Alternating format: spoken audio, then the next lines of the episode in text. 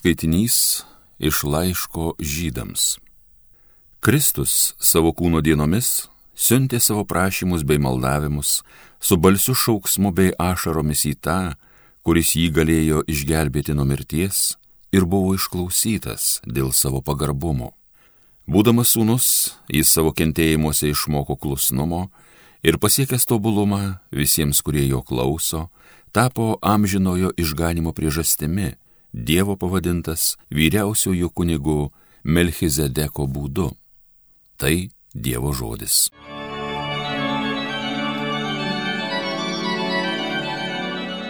Viešpatie, gelbėk mane, esi gailestingas. Tavim pasitikiu Dievę ir amžiais nebūsiu apviltas. Mane dėl savo ištikimybės vaduoki, atkreipk į mane savo ausį, skubėk manęs gelbėt viešpatie, gelbėk mane, esi gailestingas. Būk man uola slėptis pavojui, gelbėtis galinga tvirtovė, tikrai tu uola ir tvirtovė, todėl savo garbiai mane vesi, ganysi. Viešpatie gelbėk mane, esi gailestingas. Išpainiosi tu iš pinklių man priraizgytų, tu gėsi mano tvirtybė, į tavo rankas pavedu savo gyvybę, mane išvaduosi, Dieve ištikimasis. Viešpatie, gelbėk mane, esi gailestingas. Bet aš tavimi viešpatie kliaujuos, sakau, tu mano Dievas, tik tavo rankose mano likimas, išgelbėk mane nuo priešų kėslų, nuo mano engėjų. Viešpatie, gelbėk mane, esi gailestingas. O koks tu viešpatie geras, meilus visiems, kurie tavęs bijo, visiems, kurie tavim vilės, viešai žmonių būryje. Viešpatie, gelbėk mane, esi gailestingas. Alleluja, alleluja, alleluja. Laiminga mergelė Marija Ji ir nemirusi pelnė kankinystės palmę po viešpaties kryžiumi. Alleluja, alleluja, alleluja. Iš Ventosios Evangelijos pagal Joną. Prie Jėzaus kryžiaus stovėjo jo motina, jo motinos sesuo Marija Kliopienė ir Marija Magdalietė Pamatė stovinčius motiną ir mylimai mokinį, Jėzus tarė motinai, moterė, štai tavo sunus, paskui tarė mokiniui, štai tavo motina. Ir nuo tos valandos mokinys pasiemė ją pas save. Tai viešpatie žodis.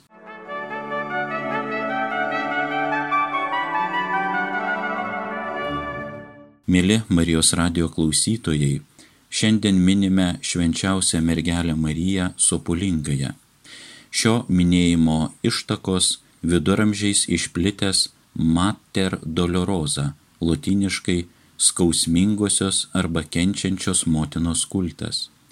1724 metais popiežius Benediktas XIII visoje bažnyčioje įvedė septynių Marijos skausmų šventę Ji buvo švenčiama penktadienį prieš verbų sekmadienį. Servito ordinas panašią šventę turėjo trečiąjį rugsėjo sekmadienį. Ja popiežius Pijus VII, miręs 1823 metais, įvedė atsidėkodamas už sugrįžimą iš Napoleono nelaisvės ir 1814 metais įsakė švęsti visoje katalikų bažnyčioje. Taigi jau 209 metus šitas mergelės Marijos minėjimas yra švenčiamas mūsų bažnyčioje. Pažvelkime į šios dienos trumpą Evangelijos ištrauką. Praėjo beveik treji metai nuo tada, kai Jėzus padarė savo pirmąjį stebuklą Galilėjos kanoje. Evangelijose, pasakojant apie šį ilgą laikotarpį, Dievo motina beveik neminima Gali būti, kad tik kartais lydėjo Kristų jo kelionėje kartu su grupe kitų moterų, kaip aprašo evangelistas Lukas. Tačiau evangelistai apie jo motinos buvimą užsimena tik vieną kartą, kai ji kartu su kitais Jėzaus giminaičiais atvyko jo aplankyti. Jie negalėjo įeiti namą, kuriame buvo Jėzus, nes ten buvo didžiulė žmonių minė. Ir todėl, kaip prašo evangelistas Morkus, atėjo Jėzaus motina ir broliai ir laukia sustoja, per kitus prašė jį iškviesti. Mūsų viešpaties atsakymas pagal evangelistą Morku buvo iškalbingas. Kas yra mano motina ir broliai? Ir apžvelgęs aplink sėdinčius pasakė, štai mano motina ir broliai. Kas tik vykdo Dievo valią, tas man ir brolis, ir sesuo, ir motina. Tai buvo didžiausias iš visų įmanomų pagirimų Dievo motinai, nes Marija yra išaukštinta ne tik dėl to, kad buvo biologinė Jėzaus mama, bet svarbiausia, kad ji buvo geriausia savo sunaus mokinė ir, klausydama Jėzaus, geriausiai vykdė dangiškojo tėvo valią. Evangelijų tyla verčia mus daryti prielaidą, kaip sako Mariologinėme katekizme popiežius šventasis Jonas Paulius II, kad Dievo motina paprastai nelydėdavo savo sunaus kelionėse po Palestiną. Tačiau Marija lydėjo jį iš toli, nes kiekvieną akimirką buvo dvasiškai susijusi su Jėzumi, daug arčiau nei jo mokiniai ir kitos šventos moteris. Bet kuriuo atveju evangelistas Jonas mums visiškai aiškiai leidžia suprasti, kad ji buvo Jeruzalėje per paskutinę vakarienę savo sunaus žemiškajame gyvenime. Galbūt Dievo motina ir anksčiau buvo buvusi šventajame mieste panašiomis aplinkybėmis, tačiau evangelistas Jonas šios dienos Evangelijos ištraukoje samoningai apie tai užsimena tik dabar, atperkamosios ir išganomosios aukos kontekste. Prie Jėzaus kryžiaus stovėjo jo motina, jo motinos sesuo Marija Kliopienė ir Marija Magdalietė.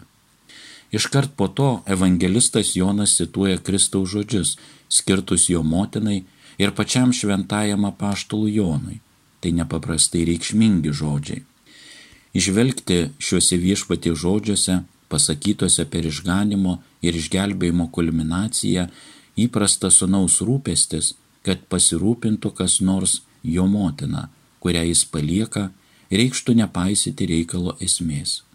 Atvirkščiai, čia mes randame vieną iš raktų suprasti Dievo motinos vaidmenį išganimo darbe. Jau Galilėjos kanoje Jėzus aiškiai leido suprasti, kad motiniška misija, kurią Marija atliko Nazarete jo paslėpto gyvenimo metais, bus tęsiama naujoje šeimoje, jo bažnyčioje. Remiantis naujausiais tyrimais, Mariologijos rytyje, kurie taip pat patvirtino įprastą katalikų bažnyčios doktriną arba mokymą, čia prieš mus atsiveria apsireiškimo scena, kuri būdinga ketvirtajai Evangelijai, dar vadinamai simbolių Evangelijai, kaip privalumas ir pranašumas.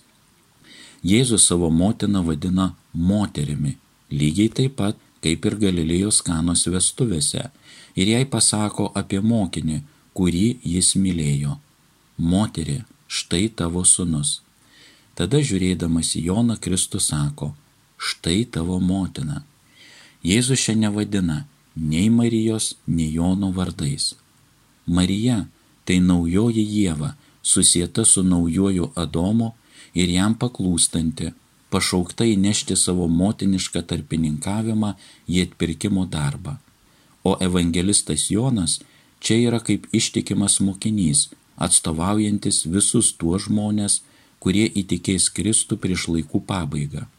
Mūsų viešpatė žodžiai yra paties Dievo žodžiai ir todėl jie yra kurianti žodžiai, panašus į tuos, kurie buvo pasaulio kūrybos pradžioje, užbaigiant tai, ką jie ir reiškia.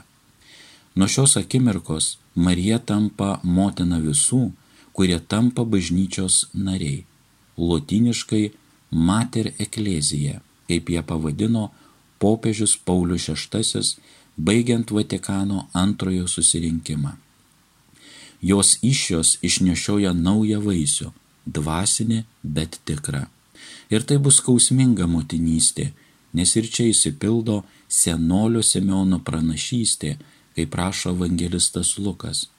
ir tavo pačios sielą pervers kalavijas, kad būtų atskleistos daugelio širdžių mintis.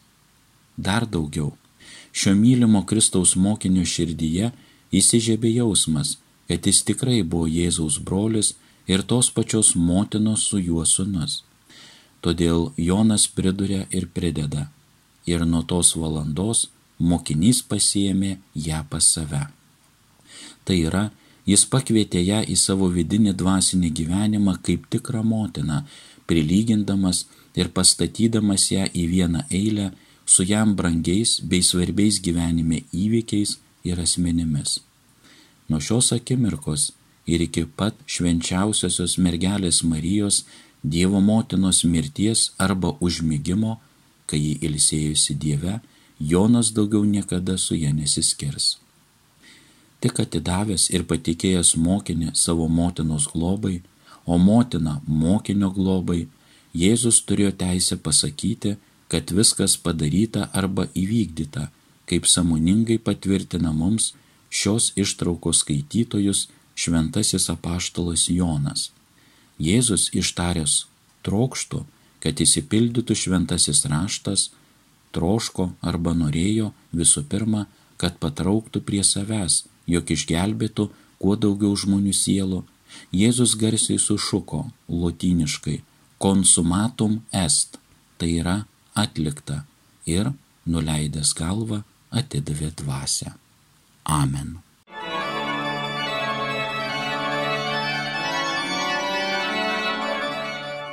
Homilija sakė kunigas Juozas Fakėjevas.